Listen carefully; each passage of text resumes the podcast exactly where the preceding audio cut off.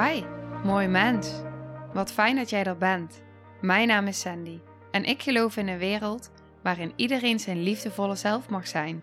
In deze podcast praten we openlijk over alle struggles die je tegenkomt op het moment dat je tegen jezelf aanloopt.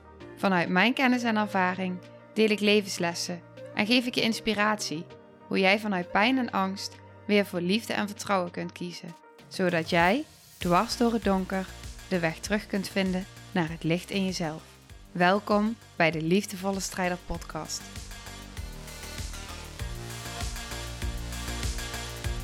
Hey, hallo.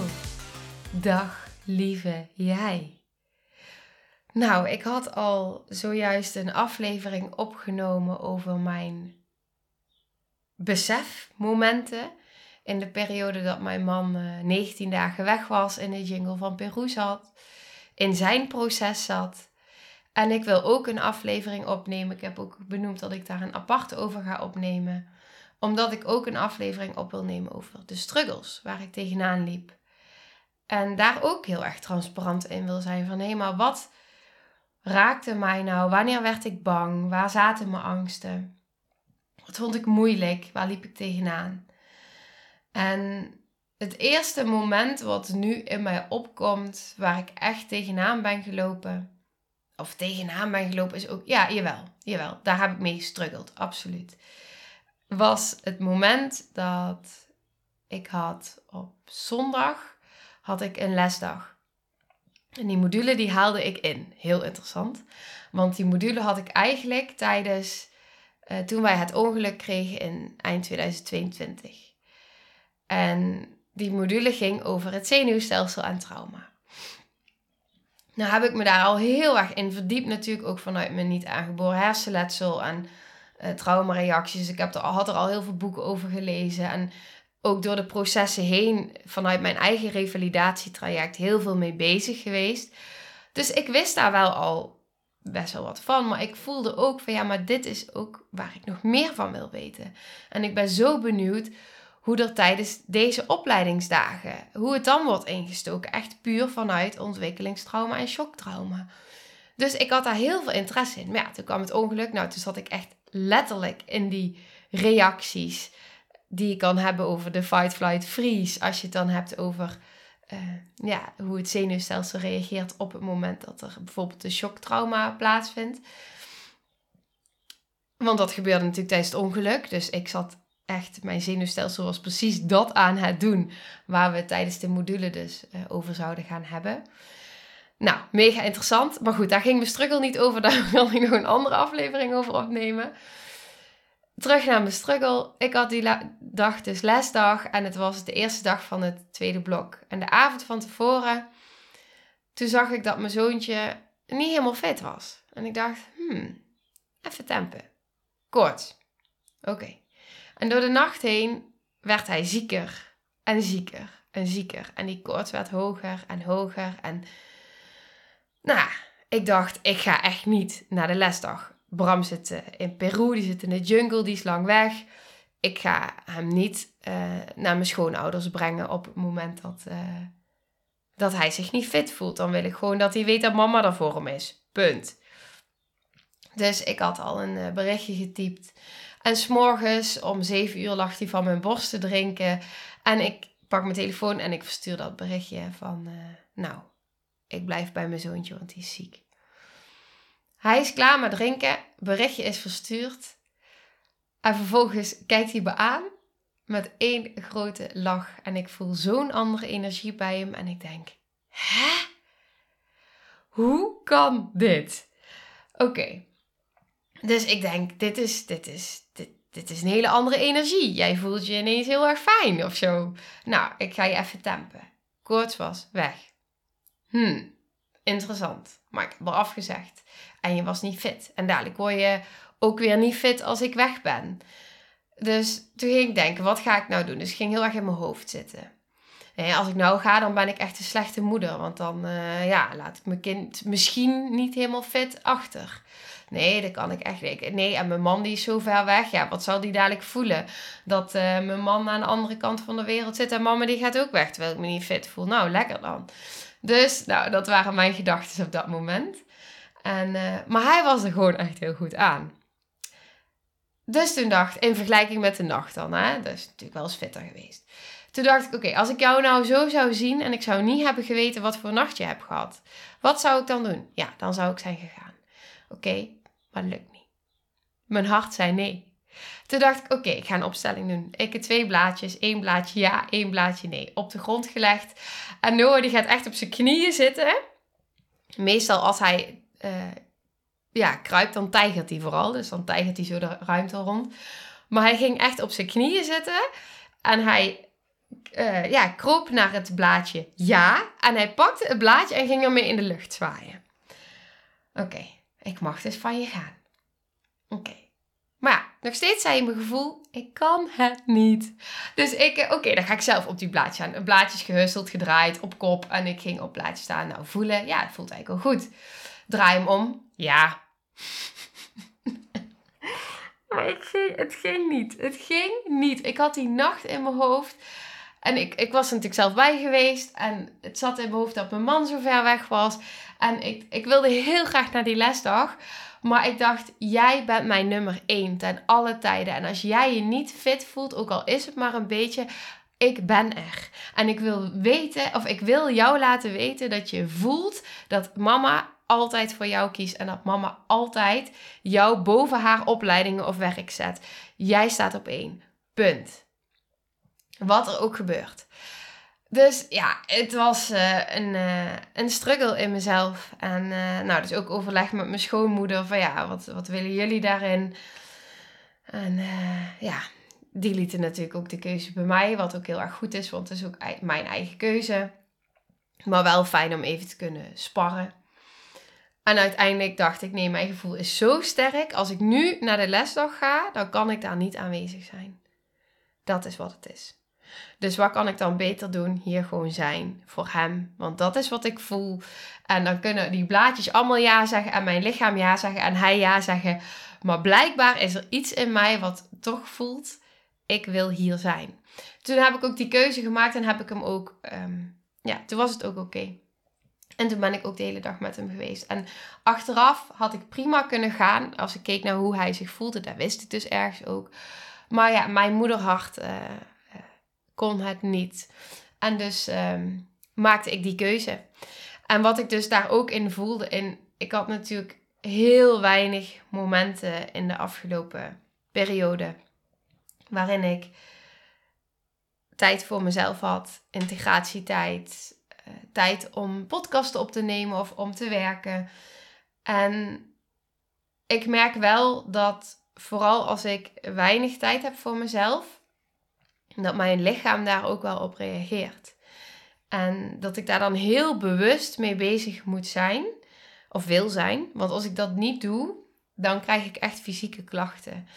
En dan moet ik ook wel daar een nuance in maken. Want hij weegt natuurlijk 10 kilo. Ongeveer inmiddels. En hij vindt het heerlijk om lekker op mijn heup in mijn arm te zitten, zeg maar. En dat heel veel te doen. En als hij eh, gaat slapen, hij heeft het nodig, laat hij zelf zien, om in onze armen te slapen. We hebben een periode geprobeerd om hem overdag in, zelf in slaap te wandelen, wiegen. En als hij dan eenmaal sliep, om hem in een eigen bedje te leggen. Maar als we dat deden, dan sliep hij maximaal een half uur en dan werd hij wakker. En daardoor werd hij oververmoeid. Dus hij gaf eigenlijk heel duidelijk aan van ja, maar ik slaap nu alleen wat heel hard nodig is. En dan word ik wakker. Terwijl op het moment dat wij dus echt met hem gaan zitten, drie keer per dag, dan slaapt hij dus veel langer. Soms anderhalf uur, twee uur. En hij, heeft dus, ja, hij geeft dus heel duidelijk aan, ik heb die nabijheid en die uh, warmte en jullie nodig daarvoor. En hij slaapt s'nachts dus ook bij ons in bed. En dat is prima, want daar kiezen wij, tenminste, ik zal even voor mezelf spreken, daar kies ik voor vanuit liefde. Omdat dit ook is hoe ik hem wil opvoeden. Ik wil hem opvoeden uh, naar zijn behoeften.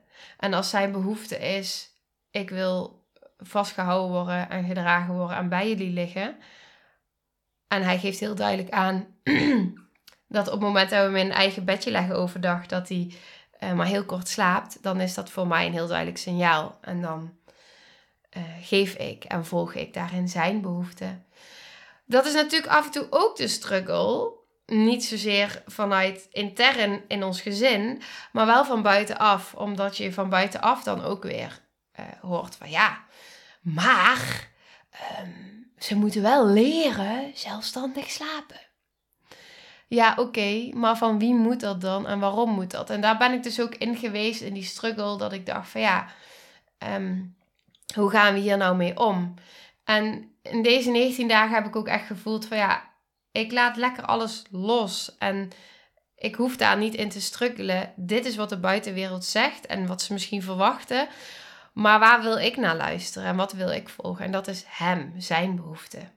Want als ik een baby was geweest, dan zou ik het ook heerlijk vinden als ik me daarin verplaats om lekker in de armen van mijn ouders te kunnen slapen. Lekker veilig, warm en geborgen en niet in mijn eentje in een kamertje. Nou ja, goed. Dus dat betekent ook voor mij ehm, dat die momenten dat hij slaapt, dat ik dus niet even tijd heb om iets anders te doen. En wij hebben een grote herdershond, die wil bijvoorbeeld af en toe ook even wandelen. Dus daar heb ik hulp in gekregen van mijn schoonouders. Uh, misschien als je me niet langer volgt, wij wonen bij mijn schoonouders op het terrein. En die hebben daar ook in geholpen met de hond uitlaten in het bos, zodat hij daar even kan rennen. En ik ging dan weer met de wandelwagen over de weg wandelen met Noah. En nou ja, uh, elke dag. Dus dat was ook heel fijn. Maar het was heel erg fijn om daarin ook het dus niet alleen te hoeven doen. En wat ik dus ook af en toe merkte, was dus dat ik hulp vragen, dat ik dat, dat iets in mij dat ook wel een uitdaging kan vinden. Dat ik dan bijvoorbeeld voelde van oké, nu um, heb ik echt even, want mijn lichaam begint echt te reageren. Ik heb echt even uh, nodig om even zelf alleen in een bad te liggen en even mijn lichaam die rust te geven die, waar mijn lichaam om vraagt. Want non-stop aanstaan vraagt veel. Heb ik gevoeld. En het, dit is oké, maar het vraagt wel iets. Dus het vraagt ook van mij om dan dus goed voor mezelf te zorgen. Dus wat heb ik nodig om voor mezelf te zorgen? En dat was dus dat ik op een gegeven moment was er een punt dat ik voelde van hé, hey, maar mijn lichaam vraagt nu echt om even een keer in bad te gaan en even te vertragen. Dus toen heb ik ook hulp gevraagd van willen jullie even oppassen? Want dan kan ik eventjes in een bad gaan liggen. En dat ook vragen van Sandy, het is oké, je mag hulp vragen, je hoeft niet alles alleen te doen. Je hoeft niet al die ballen hoog te houden.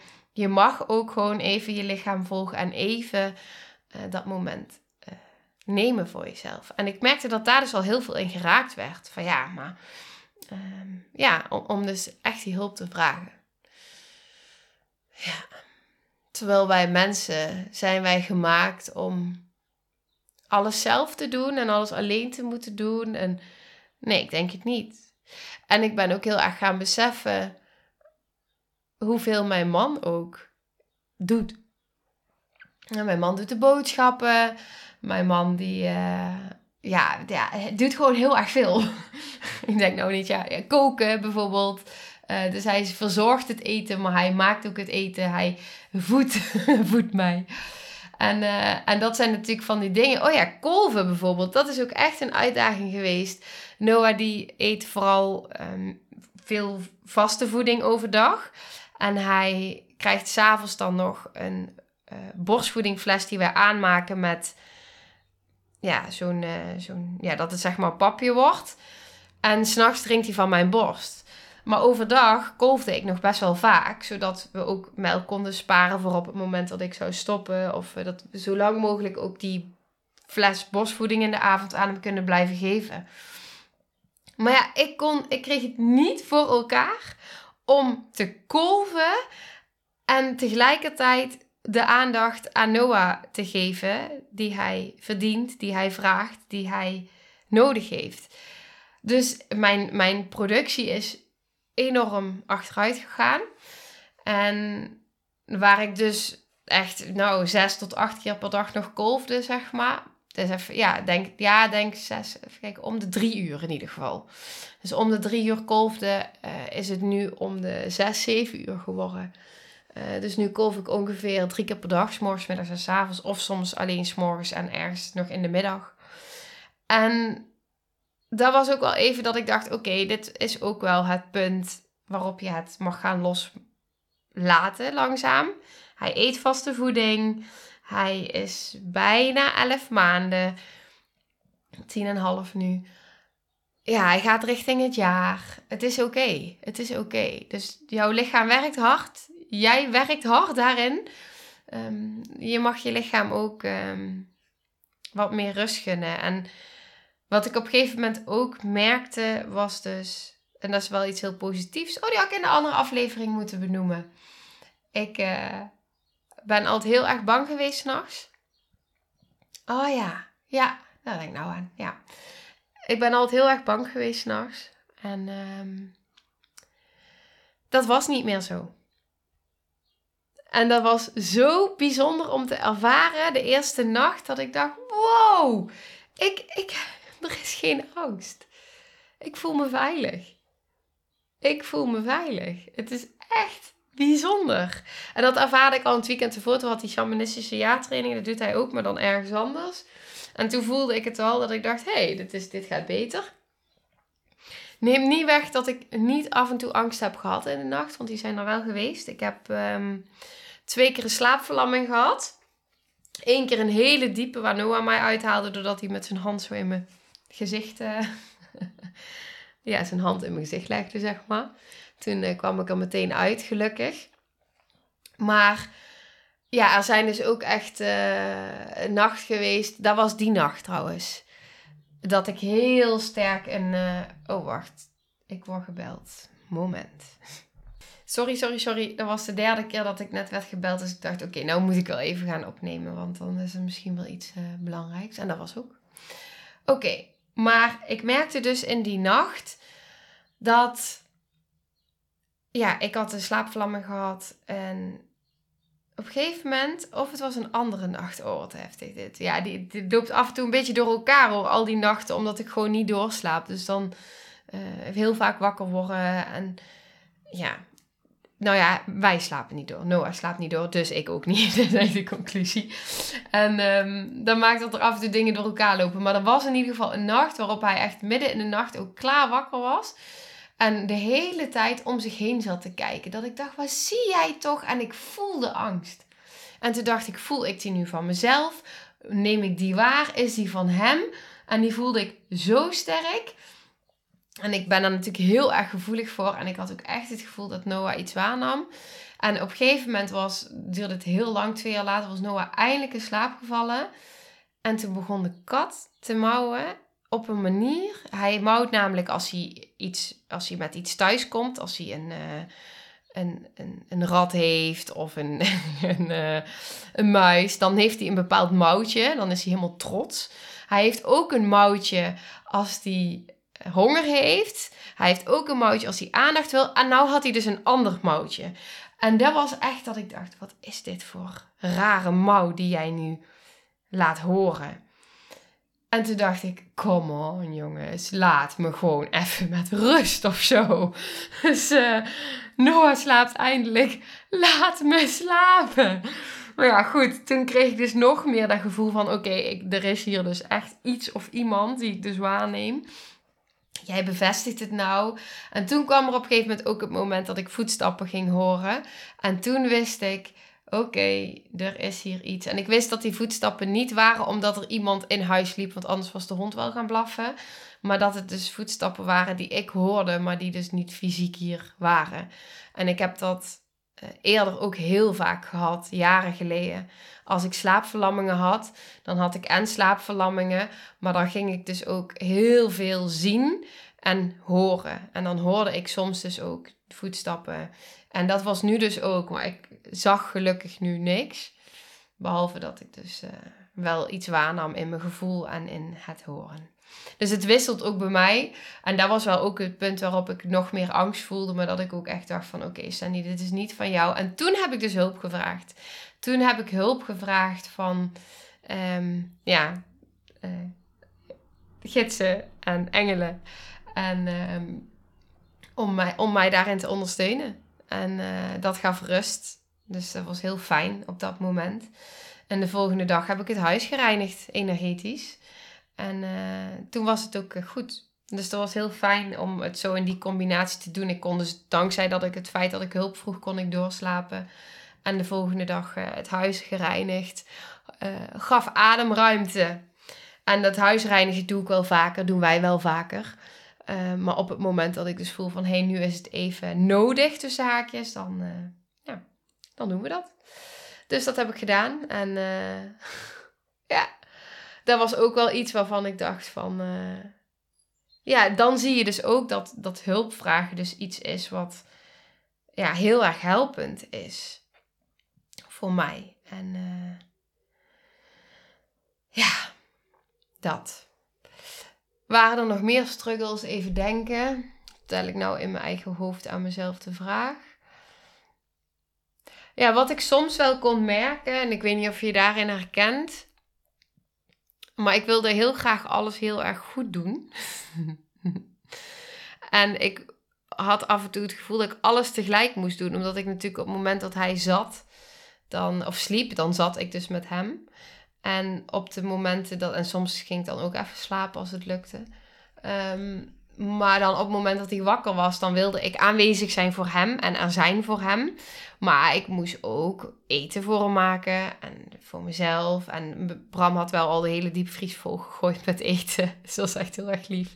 Dus ik heb echt heel veel eten uit de vriezer kunnen pakken. Maar er was ook wel dat ik dacht van ja, als jij dus altijd alleenstaand bent en jij werkt en je hebt uh, één of meer kinderen die dus nog heel jong zijn en bijna altijd thuis zijn of in de vakantie, of, dan uh, heb je echt handen tekort. Echt handen tekort. En daarin voelde ik dus ook van ja, maar oké, wat is dan nu, als je dan keuze moet maken, wat is dan prioriteit? En prioriteit was gewoon hier. Dit zijn voor Noah, aanwezig zijn voor Noah. En daarnaast zorgen dat hij naast de aandacht en liefde voeding heeft, voldoende slaap heeft. En dan mezelf.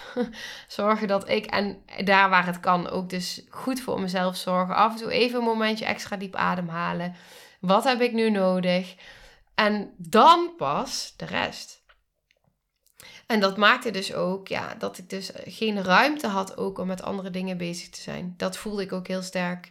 Ik heb geen ruimte nu om met dingen van werk bezig te zijn. Of, en dat is dan ook loslaten. En dat gaat de ene dag makkelijker dan de andere dag heb ik ook ervaren. Ja. Dus vooral als er een beroep op mij werd gedaan, dat ik berichtjes kreeg, dat ik de urgentie daarin voelde, dat ik dacht, ik heb alles al op stilstaan in mijn telefoon, alles op niet storen. Uh, behalve dus bellen. Dus dan zeg ik ook tegen mensen: bel me als het nodig is. En toch voelde ik dan af en toe de druk om toch even te kijken en dan toch weer te reageren. Terwijl ik eigenlijk voelde van ja, maar dit wil ik eigenlijk niet. Ik wil eigenlijk die telefoon gewoon aan de kant, want ik wil hier zijn. Zeg maar. En als ik deelt op die telefoon ben, lukt dat niet. En dat is echt een struggle in mezelf. Die heb ik ook al vaker op deze podcast benoemd. Ik merk dat dat mij, eh, dat, mij dat struggle geeft. En mij energie kost ook, die telefoon. Ja. En dus iets in mij voelt van hoe fijn zou het zijn als hij er niet meer is. Terwijl tegelijkertijd is het contract ook weer heel fijn. Nou, dat waren mijn struggles. ja. Dus dat. Ik zit even te denken of er nog iets anders is. Ja, dus mijn struggles waren vooral in uh, jezelf toestaan dat uh, je hulp mag vragen. Uh, kiezen waar je prioriteiten liggen. En, en loslaten. Ja. En genieten. Want dat maakte wel dat ik echt heb kunnen genieten. En ik heb leuke dingen gedaan, met mensen afgesproken ook. En gewoon echt genoten. Ja. En in het moment gewoon happy zijn met elkaar. En uh, ja, ik ben mega dankbaar voor uh, ook de hulp die ik heb mogen ontvangen. En ook uh, de mensen die dan toch even bij je inchecken van... Hey, is uh, alles oké? ja, en uh, mijn schoonouders, weet je, mijn schoonmoeder als ze heeft gewerkt, eh, dan even toch inchecken van heb je nog boodschappen nodig? Ja, ja, ja, graag. Nou, fijn. Weet je, dat soort dingen. Dus dat, ehm, ja, voor mij ook weer heel erg voelen van, weet je, we hoeven niet alles in het leven alleen te doen. Dat wat ik heel vaak roep, nu ook zelf heel erg voelen van, ja, het is oké. We zijn volgens mij ook niet gemaakt, naar mijn mening, niet volgens mij, we zijn niet gemaakt om alles alleen te hoeven doen en zelf te moeten doen. Maar vooral om vanuit heel veel gezonde delen van jezelf en heel veel zelfliefde ook uh, krachtig te kunnen zijn om die hulp te vragen. Ik dacht altijd, je bent krachtig en sterk als je alles alleen kan doen. Maar ik geloof en voel en zie nu juist dat het heel erg krachtig is om juist hulp te vragen en ook te mogen ontvangen. Dan komt het in balans. Want als je alleen maar geeft en alles zelf doet en alleen maar geeft, dan is er geen balans. En die balans is heel belangrijk. En ik merk dus daarin dat dit ook zo ervaren mij ook helpt om stukken, oude stukken te kunnen en mogen helen die uit balans waren. Want ik was altijd alleen maar ik geef, ik geef, ik geef. En ik vraag niet en ik doe alles zelf en ik heb geen hulp nodig. Terwijl nu ik ook heel erg mooi heb mogen ervaren in al die struggles. Ja, maar ik kan overal hulp vragen. Ik kan fysieke hulp vragen en ik kan energetisch hulp vragen. En dan voel ik dat ik die hulp krijg. En ik hoef het dus niet zelf te doen. En ik hoef het niet alleen te doen. En juist dat durven doen en die overgave daarin maakt ook dat ik ook dat die struggle dan de struggle niet meer is. Want ineens hoef je het niet meer alleen te doen. En komt er iets in balans. Want mensen vinden het alleen maar fijn ook om te mogen geven. Ja, om te mogen geven. En als ik alleen maar geef en de ander mag nooit aan mij geven, dan is het ook niet fijn voor die ander. En hoe fijn is het als ook dat in balans mag zijn? En hoe helend is dat voor jezelf? Als je dus ook kan ontvangen en mag ontvangen. En dat het dus hartstikke gezond is en niet zwak uh, om te ontvangen. En dan neem niet weg, ik heb één moment gehad. Die ga ik ook nog even delen en dan ga ik afronden. Ik heb één moment gehad waarop ik in de nacht, toen was Noah echt heel veel aan het huilen. Hij heeft namelijk nog een keer koorts gehad. En de dagen daarna was hij echt heel veel aan het huilen. S'avonds, voordat hij ging slapen rond het slapen. En dat ik ook echt op een moment voelde in mezelf dat ik dacht: oké, maar nu nu heb ik hulpbronnen nodig. Want nu kom ik op het moment, ik ben moe, ik wil slapen, het gaat even niet meer. Ik heb rust nodig, mijn lichaam is op. En jij blijft maar huilen, weet je wel. En dat ligt niet aan hem, dat ligt bij mij, want ik heb mezelf te reguleren daarin. Maar ik voelde dat ik, dat ik het zwaar kreeg daarin. En dat ik dacht, oh mijn god, hoe ga ik dit doen? Hoe doen mensen dit? En dat ik dacht, moet ik nu hulp gaan vragen? En dat was ook het moment geweest waarop ik op een gegeven moment, terwijl hij huilde, hem voor me in bed heb gelegd. Dus uit mijn armen. Ja, dat is natuurlijk totaal niet wat hij wil, want hij wil in mijn armen liggen. Dat weet ik ook. Maar ik moest even doen. Dus je, even een moment. Ik voelde ook zo sterk even dit. En dan kom maar weer terug. En dat was ook het moment waarop ik ook meteen tegen hem zei van ja, sorry, ik leg je even weg nu. Ik moet heel even afstand creëren, zodat ik je weer bij me kan nemen en dat ik weer gereguleerd kan zijn. Want nu merk ik dat ik op mijn grens zit van mezelf kunnen reguleren. En die beweging, hem even weglegde, maakte ook dat er heel veel in mij geraakt werd. Dat ik ook meteen voelde van, oh shit, um, hij voelt dat ik hem wegleg. Dus dadelijk voelt hij zich afgewezen door mij. Heb ik ook uitgesproken. Maar mama moet even, even bij zichzelf komen. Zodat ik er weer voor jou kan zijn. Dus ik moet jou even, even wegleggen. even een moment. Ja. En uh, daar was ook een moment waarop ik heb getwijfeld om hulp te vragen. Uh, om even iemand te contacten en te zeggen: Het lukt even niet, het is me even te veel. Uh, maar heb ik niet gedaan. Had ik wel kunnen doen, maar heb ik niet gedaan. Ik dacht: Oké, maar ik kan het ook zelf. Dus je mag hulp vragen, maar dit kun je ook zelf. En dat lukte uiteindelijk ook zelf. Maar ik merkte wel dat er ook een, een, een soort van woede in mij omhoog kwam. En een soort van frustratie. Omdat ik zo moe was. En dacht van, oh, ik, ik, ik, ben nu, ik word nu een klein kind die gewoon wil slapen en wil stampvoeten. Weet je wel? ik voel dat hij nu het stuur wil gaan overnemen. Dus ik moet even doen. En dan kan ik weer uh, de gezonde volwassene die gereguleerd is zijn, zeg maar. Dus ik voelde ook van, oké, nu uh, schiet die uh, daar naar voren. En door daar even aandacht aan te geven en even ook even echt, echt te zuchten en even die, die frustratie door mijn lijf te kunnen voelen een moment, kon ik hem ook weer. Maar dat was wel ook een struggle. Dat ik dacht, ja, maar nou voel je dat ik jou wegleg, terwijl ik eigenlijk in een frustratie schiet. Ja, dat raakte me ook weer. En normaal zou ik dan zeggen, papa, hier, weet je wel, even aan jou. Dan loop ik even, oh, even, even de ruimte uit of zo. Uh, maar ja, dat kon niet. En dat wist ik ook. Dus um, ja, die was er ook. En... Uh, mijn schoonmoeder zei ook iedere keer: Als er iets is in de nacht, dan bel me, bel me, bel me. Nou, dat heb ik één keer gedaan. Dus uh, dat was ook een moment waarop Noah ziek was. En dat hij zo aan het draaien was met zijn ogen. Dat ik dacht, gaat dit wel goed? ja, dus uh, toen is hij gekomen. Ja. En dat was uiteindelijk ook gewoon goed. Dat was het moment dat hij nog langer wakker lag. Overigens. Ja, dat was toen. Dat was die nacht. Nou klikt hij. Dat was die nacht. Toen is hij nog langer wakker geweest. Dus, dus daar zat al iets. Ik voelde daar iets en iets van angst. En ja, nou ja, grappig. Nou ja, mijn proces. Dus. En nou ga ik afronden. ja, ik um, hoop dat je hier wat mee kan. Dat je ook voelt van oké, weet je, ik, ik ben dus niet de enige die tegen dit soort thema's aanloopt.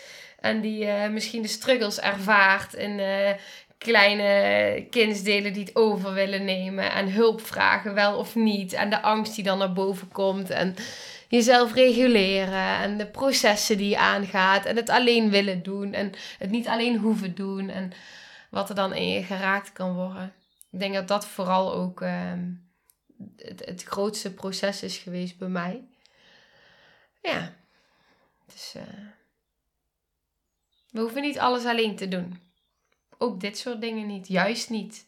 Ik denk juist dat het zo krachtig is om het samen te kunnen doen. It takes a village to raise a kid, denk ik dan altijd. En dat is ook zo. Ja.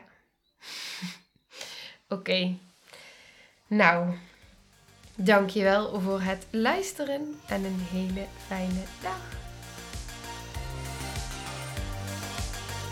Nou, lieve mensen. Ontzettend bedankt voor het luisteren. Ik ben heel benieuwd wat je van de aflevering vond en welk inzicht je eruit hebt gehaald. Mocht je nog vragen hebben of is er een onderwerp waar je meer over wilt weten, laat het me dan weten. En wie weet neem ik het mee in een van de volgende afleveringen.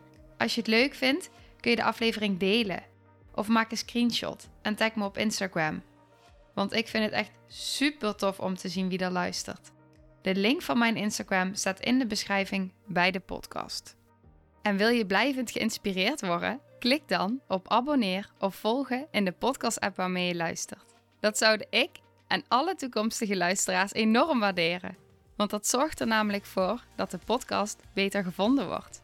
Nogmaals, dankjewel voor het luisteren en heel graag tot de volgende aflevering.